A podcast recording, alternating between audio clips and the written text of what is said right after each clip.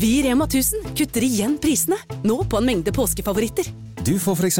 minst 25% priskutt på appelsiner i løsvekt, familiepakning med vaffelmiks fra Toro, tipakk Rieger kakao fra Freia og andre påskefavoritter. Alt dette og enda flere priskutt på minst 25% For det er sluttsummen på påskehandelen som teller. Og husk at vi fortsatt har fryst prisen på over 1000 varer. Sexlyst er motivasjonen eller ønsket om å oppføre seg seksuelt eller delta i seksuelle aktiviteter. Også kalt libido er seksuell lyst et aspekt av en persons seksualitet. Det varierer fra person til person. Det fins ikke noe som heter normal sexlyst. Folks interesse for og ønske om sex er forskjellig og kan endre seg over tid. Sexlyst-mismatch er når en person opplever mer eller mindre seksuell lyst sammenlignet med partneren sin. Oi!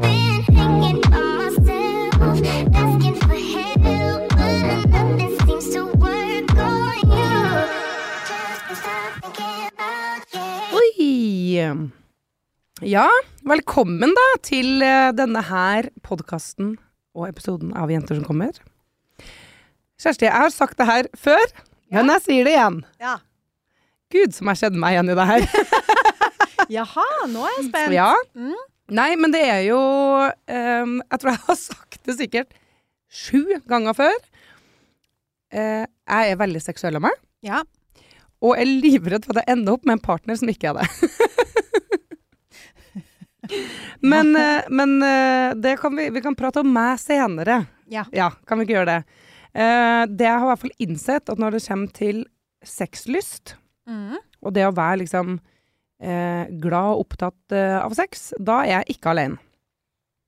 Og eh, KK har tidligere hatt en, eh, en sexspalte, og det mest stilte spørsmålet der Mm. var hvordan kan jeg få mer sex med partneren min? Og det var kvinna som stilte spørsmålet. Ja, for det var spørsmålet mitt. Ja. Mm. Mm, det var kvinna som stilte spørsmålet. spørsmålet. Er du overraska over at det er veldig mange kvinner, og det her var mellom 25 og 56 år, Mm. som hadde stilt spørsmål?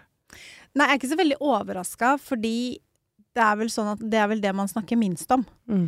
Man snakker veldig gjerne om at det er den andre veien. At han hele tiden har lyst, og hun ikke har lyst. Og det er jo en sånn derre urban legend, egentlig. At det er liksom mennene har alltid lyst, mens det er alltid damene som er liksom tørre og kjedelige og prippende. Ja, alltid. Det er alltid, Alltid. det det er snakk om. Mm. Så jeg tror at fordi man ikke snakker så mye om det, så er det jo klart at det er jo, for, det er jo forskjeller der òg. Og når ingen snakker om det, så må man jo spørre et sted, da. Og da gjør man vel det i sexspalten til KK. Gjetter jeg på. Heldigvis, da! Ja. Og så snakker vi om det her. Ikke sant? Jo, men det er jo noe med det at uh, Som du sa, at menn Vi tenker alltid at menn er den som har en sånn på-knapp. At når du trykker på, Ja. så er han klar. Ja. Um, og så tenker man nok kanskje ofte, eller det kan jeg også kjenne meg litt igjen i, da, når jeg snakker med mine venner om det òg, at det er mannens oppgave på en måte å ta litt initiativ. Mm. Og det Der tror jeg nok kanskje vi kan bli flinkere òg, da. Ja, jeg er enig. Mm.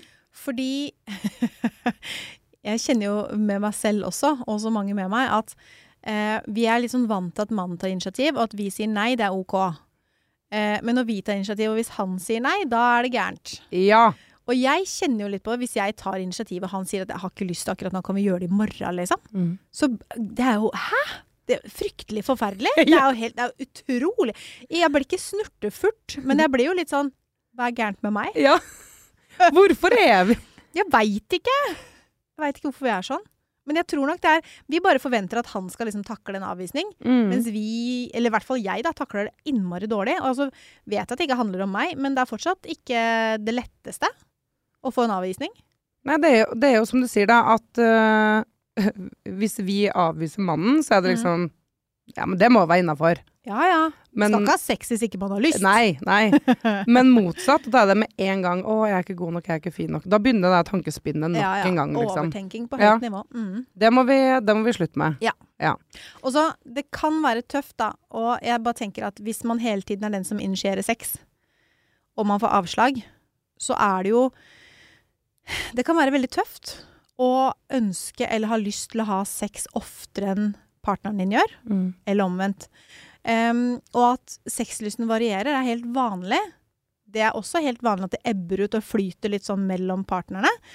Um, en studie fra 2017 fant ut at 34% av kvinnene og 15% av mennene rapporterer at ikke de er interessert i sex i det hele tatt.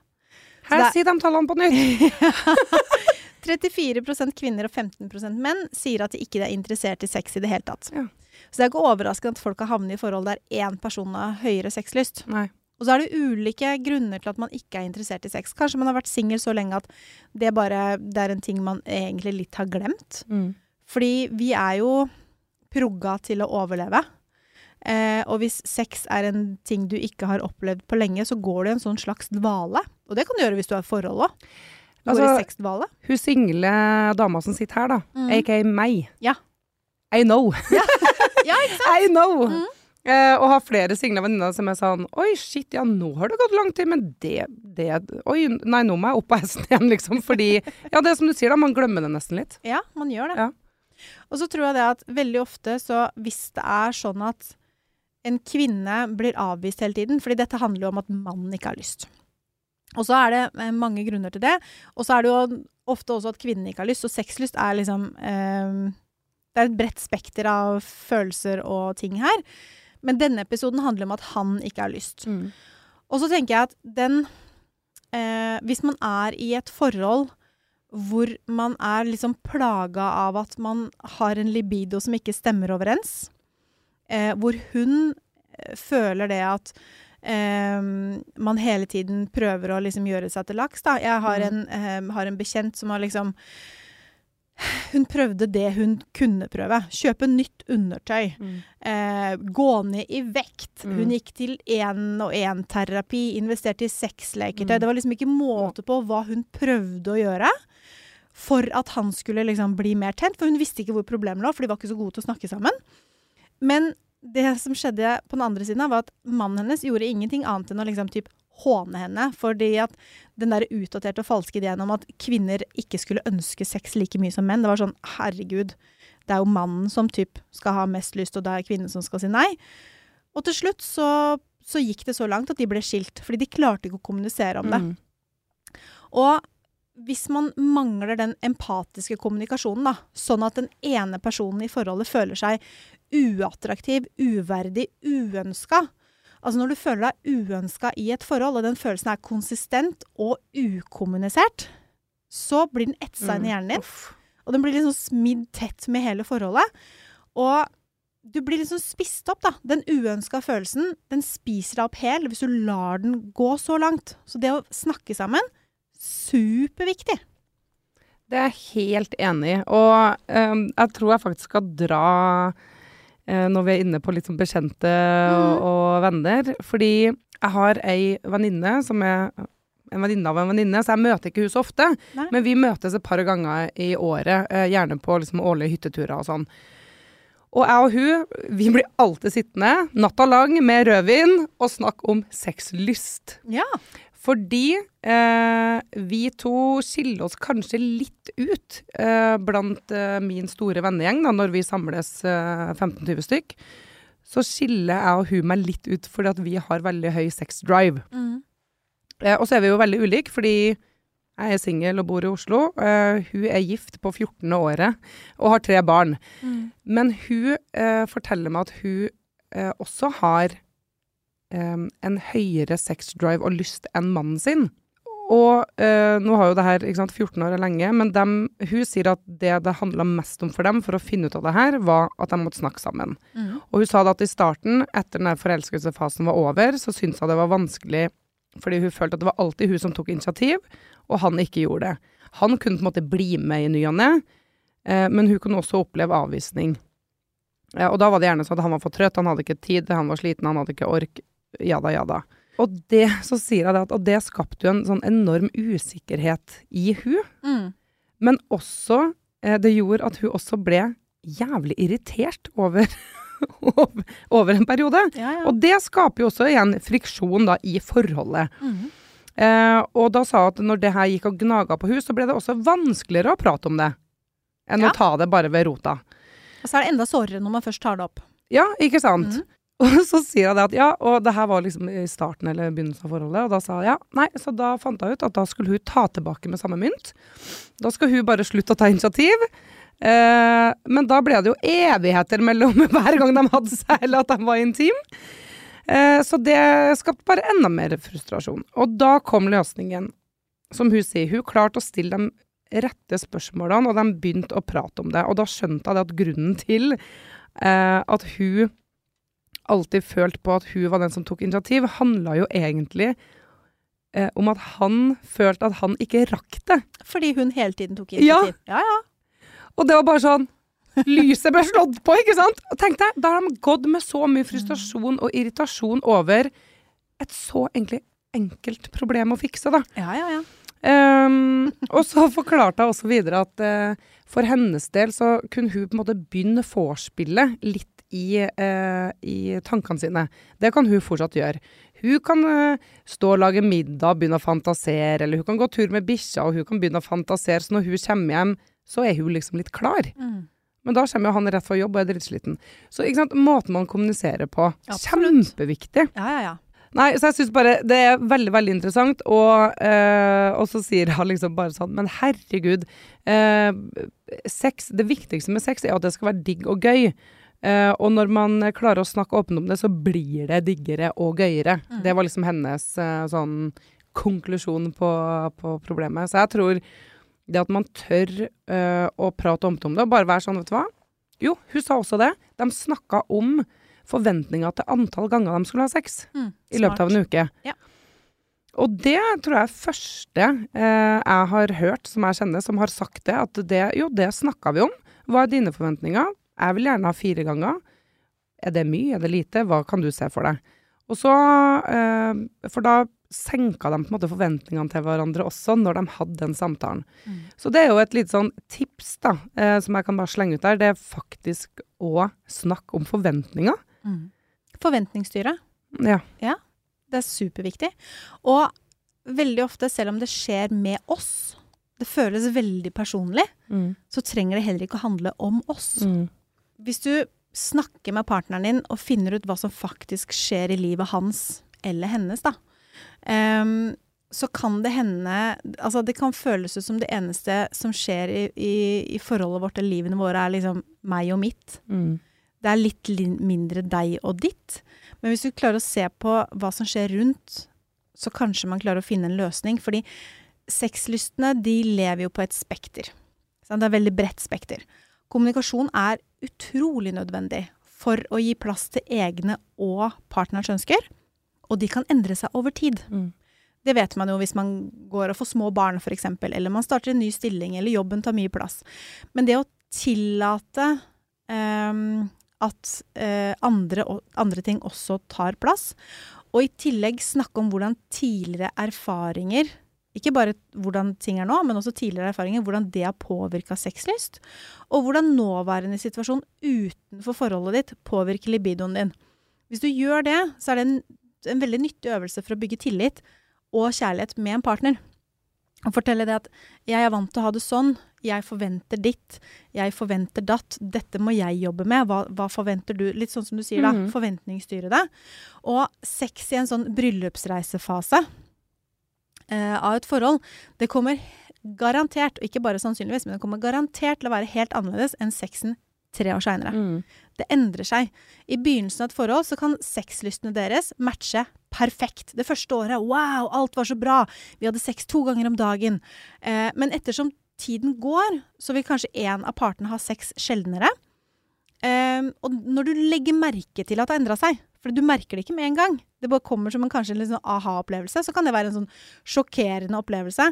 Spesielt når du innser at dere er i forskjellige ender av det spekteret etter at bryllupsreisen er over, da, og etter at den første forelskelsen har, eh, har lagt seg. Og det kan falle fra å ha liksom sex flere ganger i uka, eller flere ganger om dagen, til kanskje annenhver uke. Og så ser man ikke det avviket, at det avviket faktisk er det normale nivå, nivået. Mm. Fordi man er så forelska i den første fasen at man liksom gjør hva som helst, og så faller man, faller man til sitt normale nivå, og så blir den ene litt sånn sur. Så når man da Uh, ser den, eller legger merke til den endringa, da, Mm. for det vil man jo kanskje gjøre etter hvert, at sånn Å ja, nei, nå ja, det siste året nå, så har vi dab... Nå er det liksom ikke dabba av, men nå har vi mindre sex, eller Ja. Og jeg skulle ønske vi hadde mer, eller Da må man ta den ved rota, liksom. Da må man ta og snakke om det. Ja. Og så tror jeg også en av de største grunnene til at sexlivet dabber av når man bor sammen og ser hverandre hver dag, er ikke fordi man blir lei av hverandre, men fordi hvis du vet at sex alltid kommer til å være der, det er alltid tilgjengelig for deg, så tenker du helt ubevisst hvorfor må jeg skynde meg? Hvorfor må jeg prioritere sex når jeg har andre prioriteringer på tallerkenen min? Ikke sant? Du kan føle at jobben din, eller barna, eller aktiviteter, eller venner, eller familie går foran å ha sex med partneren din. Fordi vi utsetter nytelse. Eh, for vi tror at liksom, hvis vi skal kose oss, så må vi rydde det andre ut av veien først.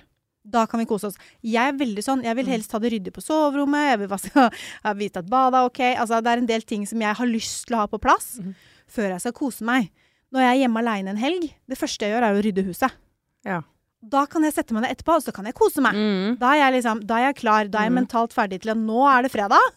Og nå er det rødvin i glasset, Ja. og sette på en eller annen serie, eller gjøre et eller annet som jeg har hva skal jeg si, gleder meg til. Mm. Men jeg må ha unna det rotet og det kaoset. Det må jeg ha vekk først.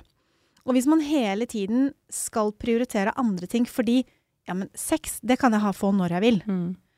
Så gjør du det ikke. Og det er det samme som å gå på restaurant. Hvis du skal gå på Michelin-restaurant hver dag, så tenker du ah, Vet du hva, i dag gidder jeg ikke å gå på Michelin-restaurant, fordi det kan jeg gjøre når jeg vil. Ja. Og tenk deg å ha den luksusen, da!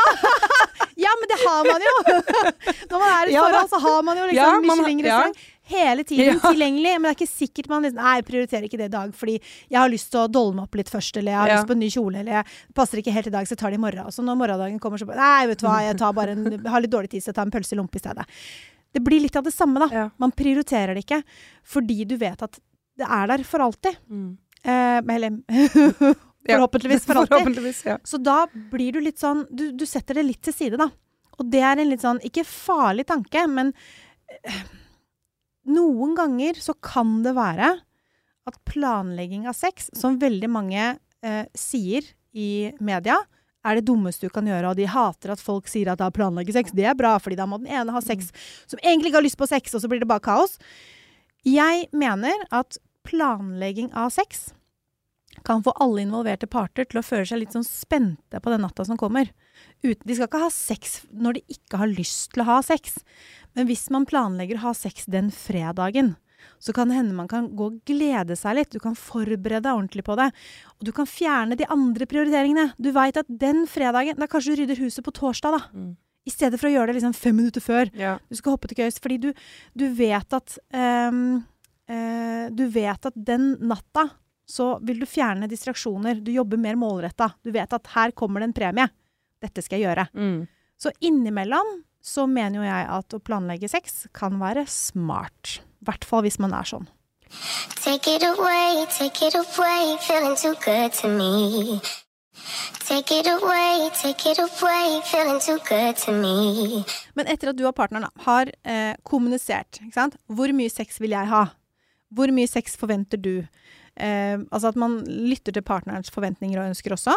Så er det viktig å følge opp den samtalen med handling etterpå. Mm. Hvis du vet at partneren din egentlig har lyst på sex eh, to ganger om dagen, og du har lyst på det to ganger i uka, kanskje dere skal liksom møtes på halvveien, ta det annenhver dag. Da mener jeg det er halvveien, da, for Ja. å ha sex flere ganger om dagen er vanskelig å få til når Hvordan man har man et liv. Ja, hvordan har man tid? Jeg savner jo flere timer av døgnet i perioder. her. Ja. Eh, men da kan man da gjøre andre ting også. Man må jo ikke um, ha sånn to timers sex hele tiden. Og da mener jeg med vorspiel og dusjing og alt sammen. Man kan også ha litt sånn kjappere greier. Ja, og så- og det har jeg egentlig lyst til å spørre deg om akkurat når vi er inne på det. Fordi Mm. ting er jo samleie. Ja. Altså penetrering. Mm. Så man tenker at man skal ha sex. Men sexlyst handler jo ikke nødvendigvis kun om samleie. Nei. For at, at når jeg liksom tenker på meg sjøl, så handler det mer om nærhet, pirring, flørting. Eh, altså sånn nærhet som ikke nødvendigvis havner at vi havner i senga. Mm. Eh, og litt den derre eh, Hva skal jeg si hverdagsintimiteten. Ligge på armen. Ja. Ligge naken i senga, og se på Ja. film. Alt det der som gjør at oksytocinet bruser i kroppene og får hverandre nærmere hverandre, er bra. Men hvis man har en veldig høy libido, så vil jo ikke det tilfredsstille sexdriven nødvendigvis. Neida. Den vil kanskje Neida. erte mer. Ja, fordi der, der kjenner jeg meg igjen litt sjøl, da. At jeg ligger naken i senga og ser film Mm. uten å røre. Det er dårlig gjort. Det er dritvanskelig. Derfor det heter Netflix and chill. ja, så det er bare sånn for- min del der så er jeg sånn Nei, da, men da, da har jeg lyst til å ta en. Men, men igjen, det trenger ikke å være da full pupp hver gang. Nei, Men det kan være litt, litt ekstra. Litt tafsing. Ja, ja, ja. Kanskje gå ned på hverandre, bare lite grann. Litt gjensidig onani, kanskje. Ja. Kanskje man kan onanere ved siden av hverandre. ja. Mm. Ja. Det høres kanskje banalt ut, eh, men det er, så, det er ikke så mye som skal til for at det skal bli sex, da. Og så er det jo litt sånn, hvis partneren din, hvis du er dame, eh, og partneren din ligger ved siden av, som er mann, og han egentlig ikke har lyst på sex, og du begynner å onanere, er ikke så mye som skal til før han har lyst på sex. da. Nei, det er ikke så mye som skal til. Nei, det er jo ikke det. Nei, og så tenker jeg at hvis Altså, det å gjøre partneren sin kåt, da, man kan gjøre det uten å ta på partneren. Som eksempel hvis man begynner å onanere ved siden av. Så Og så trenger det ikke være sånn at han trenger å være involvert en gang. Men sannsynligvis så blir han det på en eller annen måte fordi han blir tent av å se på deg ligge der og ha det digg. Ja. Så det går an å gjøre det den veien òg, uten å være ufine mot hverandre. Fordi det kan være en koselig greie. Gjør du det for å være slem, så burde du jo slutte med det. Nei, men jeg har, jeg har faktisk opplevd det, hvor eh, mannen jeg har vært med, har hatt lyst til at jeg skal onanere, Mm. sjøl om ikke vi skal gjøre noe mer. Ikke sant? Ja. Ja, ja. Fordi at han også bare syns det er digg, da. Mm. Um, Men ta altså sjekk inn med deg selv. Altså, gjør en sånn der check-in. En mental greie. Hva er dine faktiske ønsker og behov? For veldig ofte så er det kanskje ikke sex vi trenger spesifikt, men kanskje vi kan være sultne på litt mer romantikk. Ehm, kanskje det med å lindre stress med seksuelle interaksjoner um, er, er det man tenker funker for seg. Nå er jeg skikkelig skikkelig stressa. Hvis jeg, hvis jeg har sex da, da, da slapper jeg av. Mens stress kanskje har motsatt effekt på partneren. da. At de blir så stressa at de mister sexlysten. mm, Um, så det å kanskje bruke hverandres kjærlighetsspråk, vi har jo snakka om det i en episode, for å sikre at begge to føler seg litt sånn romantisert ja. og verdsatt med eller uten sex. At man ser partneren sin, uavhengig om det er sex med bilde eller ikke. Det kan gjøre litt sånn seksuelle interaksjoner mindre anspente. For så lenge man føler seg, eh, føler seg sett, så kan det hende det derre gapet med eh, sexlyst eksisterer fortsatt. Men erkjennelsen av at det er forskjellig så lenge man blir sett, det kan, det kan hjelpe, da.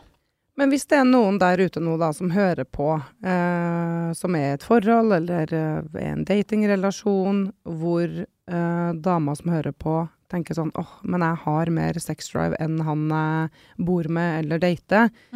Um, og så er det mannfolk her også som hører på, som kanskje kan bli truffet Mm. eh, av at de ikke har så høy sex drive. Hva kan mannen gjøre? Mm. Ikke sant? Ja. Ja. For det tenker jeg også at den som ikke har det, da, Mm. uh, må jo også kanskje få noen, noen råd på veien. Fordi det Ja, Ja. ja. Altså, det er jo veldig mye som kan påvirke sexlyst. Uh, og igjen, det har en tendens til å vokse og avta. Det er aldri konstant. Nei. Eh, og det er veldig mange faktorer som kan påvirke det, f.eks. medisinske faktorer.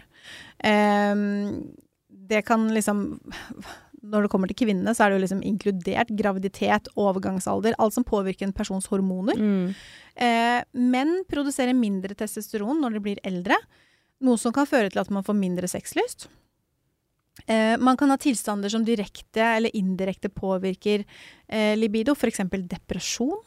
Tar du visse medisiner, hvis hun går på p-piller f.eks., så kan det påvirke, påvirke sexlysten. Eller andre. Altså det finnes mange betablokkere og antidepressiva som påvirker eh, sexlysten negativt.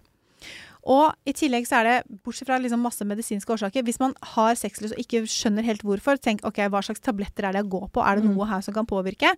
Og spørre legen om du kan bytte til en annen type tablett som Mm. inneholder det samme, eller som gjør det, som er mot det samme, da. Fordi det kan hende at det kan hjelpe, Mm. at man blir satt på noen andre tabletter. Og så er det jo noen individuelle faktorer eh, som påvirker sexlysten. og som kan gjøre at den endres over tid. Eksempel nivå av attraksjon.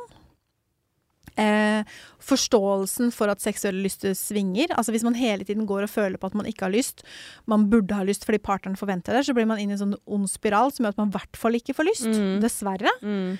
Em, den der følelsen av å ha en sånn separat identitet eh, fra parets identitet, at det handler ikke om Det handler veldig lite om meg, det handler veldig mye om oss. At du ikke blir sett for den du er. Selvtillit, eh, stress, hvor trøtt du er. Eh, og så er det ganske mange mellommenneskelige faktorer som spiller inn. Og det er de faktorene som eksisterer når du ser på det i sammenheng med de langsiktige relasjonene du har. For eksempel hvordan parets lydhørhet er for hverandre. Hvordan ser man hverandre? Er det sånn at man i hverdagen bare forventer at den andre parten gjør alle de oppgavene man skal gjøre, og så har man egentlig ikke snakka noe sammen i løpet av dagen, og så skal man ha sex på kvelden? Det er en turn off. Ja. Um, hvordan man opplever den der kompabiliteten. Er man et team? Heier man på hverandre? Hvordan snakker man til hverandre?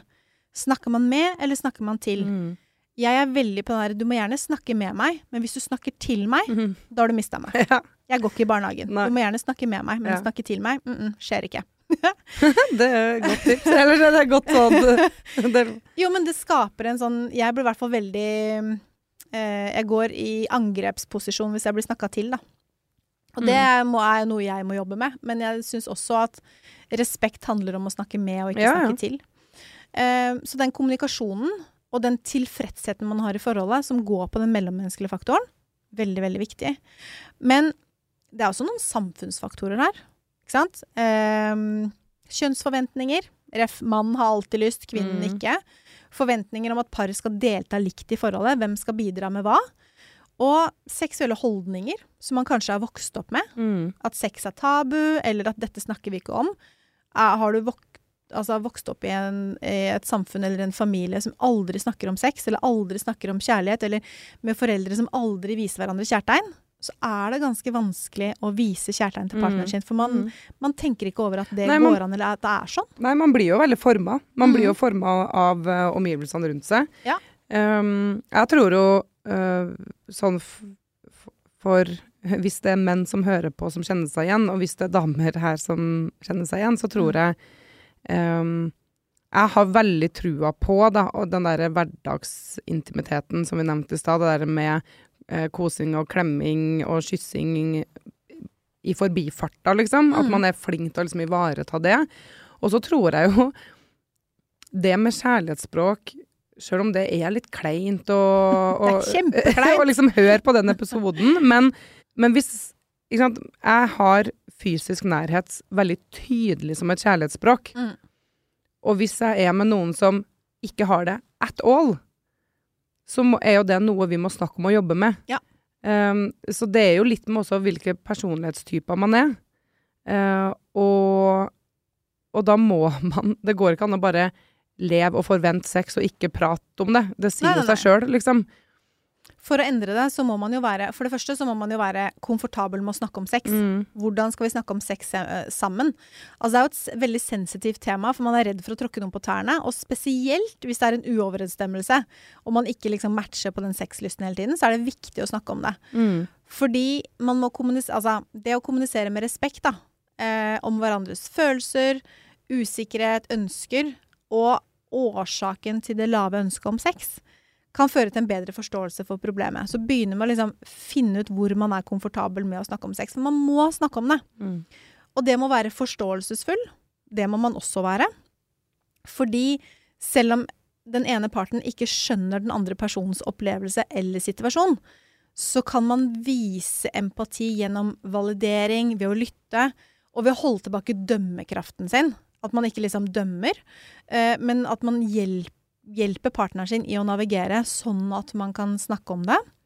Det er viktig å ha et trygt sted hvor dere kan snakke om forskjellene deres uten at dere tenker på at eh, hvis jeg er kritisk eller defensiv, eller hvis jeg gjør noe feil eller trår litt feil nå, for jeg har litt vanskelig for å kommunisere, så Altså så, så blir det liksom krig. Eller dårlige bad feelings, Mm. da. Så man, man må finne ut at dette er et trygt sted å snakke sammen, vi kan snakke om hva vi vil, og vi har all Altså, vi har bare gode intensjoner. Men hvis vi ordlegger oss feil, så blir man ikke såra av det. Da snakker man heller enda mer om det. Og så noen ganger så må man også inngå noen kompromisser. Um, ikke, alle, altså, ikke alle er helt like um, seksuelle som partneren sin. Ehm, og en person med veldig lav libido kan også møte partneren sin halvveis ved å fortsatt ha sex til tross for at sexlysten er litt lavere. Mm. Det er ikke krenking. Mm. Det er liksom hvordan man skal få dette til å funke.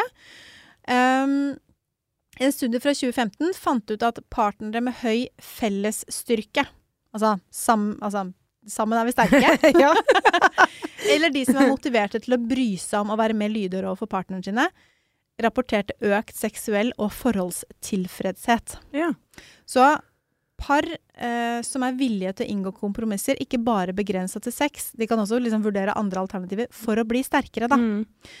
Um, så det altså Bare det å eh, snakke om det, fordi hvis man ikke tar det opp, hvis man ikke snakker om det, så kan det føre til en utrolig ubehagelig dynamikk i forholdet. Altså, jeg føler jo etter jeg møtte deg, og det her er jo Nå skal jeg ta en takketale. Nei, men etter jeg møtte deg særlig, og eh, liksom de siste årene, men også etter vi begynte å snakke sammen hver uke i den podkasten her, så har jo jeg blitt ekstremt mye flinkere til å snakke uh, med mine partnere, uh, Mm. eller dem jeg har data, uh, om sex, og gjort det faktisk ganske tidlig. Ja. Og det har nok også noe med at det er viktig for meg. Mm. Eh, og, da, og så har jeg møtt noen som har vært veldig åpen og stilt meg spørsmål om sex eh, tidlig. Som jeg har blitt litt overraska over, men som har tenkt sånn Fader, så innmari gøy at vi kan ha denne samtalen på andre date. Fordi hvis vi er helt på ulike planeter der, liksom, så kan det være at den gnisten ikke helt uh, fører oss sammen. Mm. Han forrige jeg data liksom seriøst da, over en lengre periode, vi hadde jo veldig sånn samme sex drive. Ja. Eh, og det gjorde jo meg veldig sånn trygg og komfortabel i vår relasjon. Og vi snakka også veldig godt om hva vi likte, og hvor ofte vi ville ha sex. Og, og da husker jeg at jeg var sånn Ja, jeg er jo veldig glad i morgensex. Det, det er liksom Hvis jeg kan starte morgenen med kaffe og morgensex, da, da får jeg en jævlig bra dag. Og det tror jeg jeg sa til han ganske tidlig. Heldigvis så var jo han også interessert i morgensex, og det er det jo ikke alle som er. Nei, nei. Og der tror man jo også at ja, men herregud, menn har jo morgenbrød. De må jo være keen om morgenen. Nei. Det, det stemmer ikke. Nei. Heldigvis for meg, han her likte også det. Check. Helt konge. Eh, og da kunne vi liksom være sånn at vi satt på klokka en halvtime før vi egentlig måtte stå opp eh, for at begge to hadde lyst til det. Og så husker jeg det var liksom én gang, og det var sånn midt ute i den relasjonen, hvor han eh, eh, avviste meg på sex. Og da ble jeg jo helt sånn For du hadde jo stilt klokka. Ja, Du hadde jo planlagt jeg det. hadde planlagt det. Ja, Og så ble det ikke noe av. Og da var jeg bare sånn Hva lukter Hva er jeg? gærent? Hva er gærent? Ja, hva Mm. har skjedd? Har jeg snorka i hele natt? Har jeg, hva, hva har jeg gjort, liksom? Mm. Greia var, vi klarte jo å snakke om det neste gang vi møttes, eh, og fikk prata ut om det, og det hadde jo ingenting med meg å gjøre. Det har jo som regel ikke det. Føles veldig personlig, Um, men ja. Og det gjorde jo på en måte både meg og han veldig trygg, at vi kunne ha den kommunikasjonen vi hadde om det, da. Ja. Bable i vei her, men, men nok en gang, det var bare eh, eh, den derre praten om det, tidlig eller seint, i en datingfase, eller når forelskelsen har lagt seg. Ja. Det er liksom det uh, som er mitt liksom sånn hovedtips. Det er, di, det er din flaggsak. Ja, ta, ja, men også ikke liksom ta sex så alvorlig hele tida.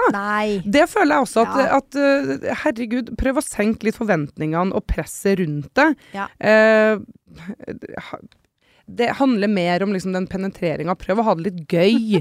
um, man kan bruke humor på ting. Det er liksom litt sånn Det trenger ja, ikke alltid å være så gravalvorlig. Nei. Nei, helst Nei, ikke. Helst ikke. Uh, og da tror jeg liksom man uh, kan møtes litt mer på midten òg, hvis man Mm. Hvis man prater om det, ikke tar det så alvorlig. Og tenker at vi er forskjellige. Ja. Fordi det jeg er veldig opptatt av, er å eh, fortelle om Nå skal jeg bli gravealvorlig! Ok, ok, ja. Så da, da går vi fra hun derre tøyse, eh, tøysedama her til den alvorlige sexologen. Nei, nei da, men altså Det jeg har lyst til å si, er at hvis ikke du tar opp eh, mismatchen Ja. eh, så kan det føre til en sånn utrolig ubehagelig dynamikk i forholdet. Mm. Det påvirker veldig, veldig mye. Fordi hvis du er en fyr eller en dame med veldig høy sexlyst, som gjentatte ganger opplever avvisning av partneren Hvis du hver gang du stiller klokka, får beskjed om at 'nei, jeg har ikke lyst', 'har ikke lyst', 'har ikke lyst', 'nei, ikke i dag', ikke i dag'. Tru meg, det går utover mye mer enn kun sex. ja, ja, ja. Poenget er at man kan utvikle lav selvtillit og litt sånn Bli litt irritert Mm. på partneren sin. Eh, mens personer som da har lav sexlyst, kan jo føle seg skyldig, overvelda, pressa Mm. til å ha sex fordi de ikke liksom tør å si nei. Og en studie fra 2015 antyder at sexlystavvik påvirker både seksuell og relasjonell tilfredshet negativt. Um, de resultatene vises tydeligere i langsiktige forhold, da, Mm. sammenlignet med folk som er i kortsiktige forhold. Men lav seksuell tilfredshet, og det gjelder alt, da. Ehm, ikke bare den ulik libido, Mm. men lav seksuell tilfredshet, at man ikke er fornøyd i senga, Mm. har en forsterkende effekt på generell tilfredshet i et forhold. Fordi hvis du har høy seksuell tilfredshet, så rapporterer par at det bidrar til liksom 15-20 eh, mer generell tilfredshet. At den er bedre. Altså 15-20 Jeg, jeg tror på det 100 Mens hvis du har lav seksuell tilfredshet hos par, så er det 50-70% dårligere. mm. Det er ganske stor forskjell. Em, så det å snakke om det, kjempeviktig, fordi det påvirker den relasjonen man er i, så vanvittig. Og så trenger det ikke å bety at man um, Hva skal jeg si for noe? Finner en formula som kanskje funker med en gang. Men man, veldig mange par tror jo det, sånn som du snakka om at sex er begrensa til penetrasjon. Mm. Når vi skal ha sex, ja, da er det penetrering og penis er helten og Ja. sånn. Men, men det inkluderer jo liksom, liksom alt andre alternativer, da. Ja. Oralsex. Eh, vanlig onani, at man liksom runker hverandre eller onanerer hverandre. Bruke sexleketøy på hverandre. Eh, man kan jo også gjøre litt sånne aktiviteter som kanskje øker lysten. da. Se på en eller annen klein pornofilm sammen. Mm. Eller en bra pornofilm sammen. Um, så jeg bare, tenker at igjen, da. Omdefiner sex. Ikke begrens det til penetrasjon. Planlegg det. Livet er hektisk. Planlegging av sex kan hjelpe utrolig mange par med å liksom omgå timeplanene sine. Det er ingen konkurrerende krav å bekymre seg for. Du vet at klokka sju på fredag, eller åtte eller ni, Mm. så er det sex. Det, det er liksom Planlegging av sex kan bidra til å kartlegge også den beste tiden for paret. Er det morgensex? Er det kveldssex? Er det på fredag, eller er det på torsdag? Mm. Eller har du en kort dag på jobben på, på tirsdag som gjør at vi burde ha det på onsdag i stedet? Mm. Det, det er liksom det, er- det bidrar å bygge forventning, da, og sikrer at begge er liksom fysisk, følelsesmessig og mentalt klare for sex. Helt riktig. Men det finnes jo også, og det her har ikke jeg prøvd. Nei. Kanskje du eh, Kanskje er du er mer i den skalaen? Nei da. Nei, men det finnes også ulike liksom, sexspill. Ja, ja, ja. Eh, og det kan jo være alt fra liksom, den klassiske terninga mm. til eh, kort til Altså det finnes sikkert masse jeg ikke veit om engang. Ja.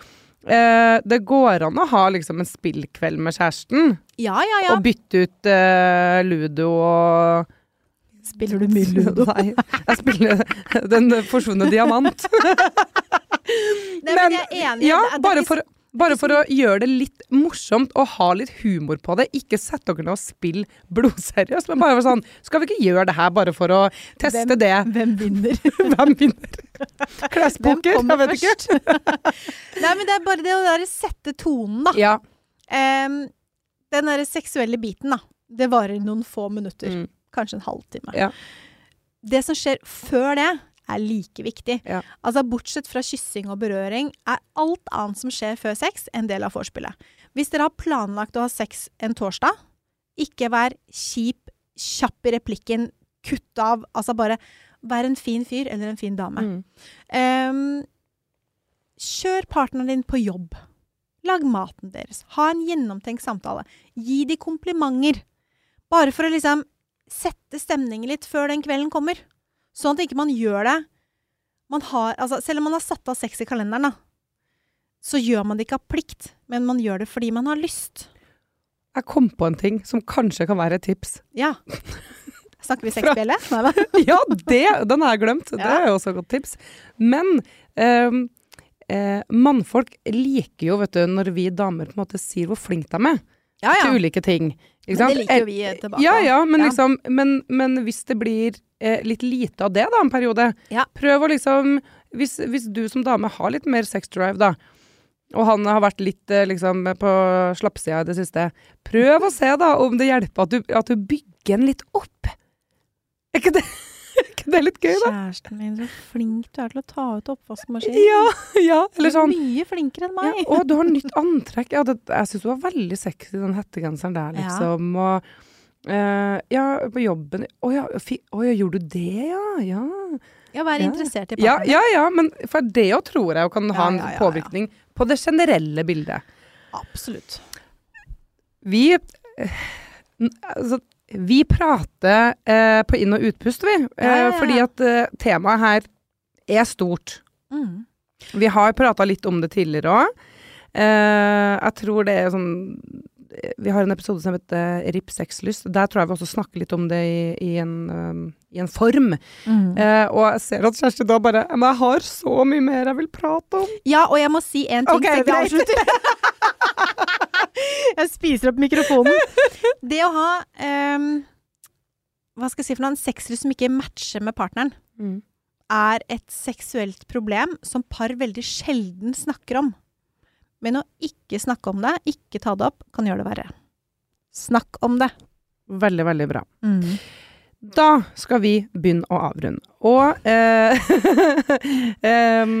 husk på, du, eh, dere som hører på, følg oss der du hører på oss. Eh, det er som regel en sånn subscribe eller følg-knapp. Eh, trykk på den, da får du opp i fleisen når vi er på lufta.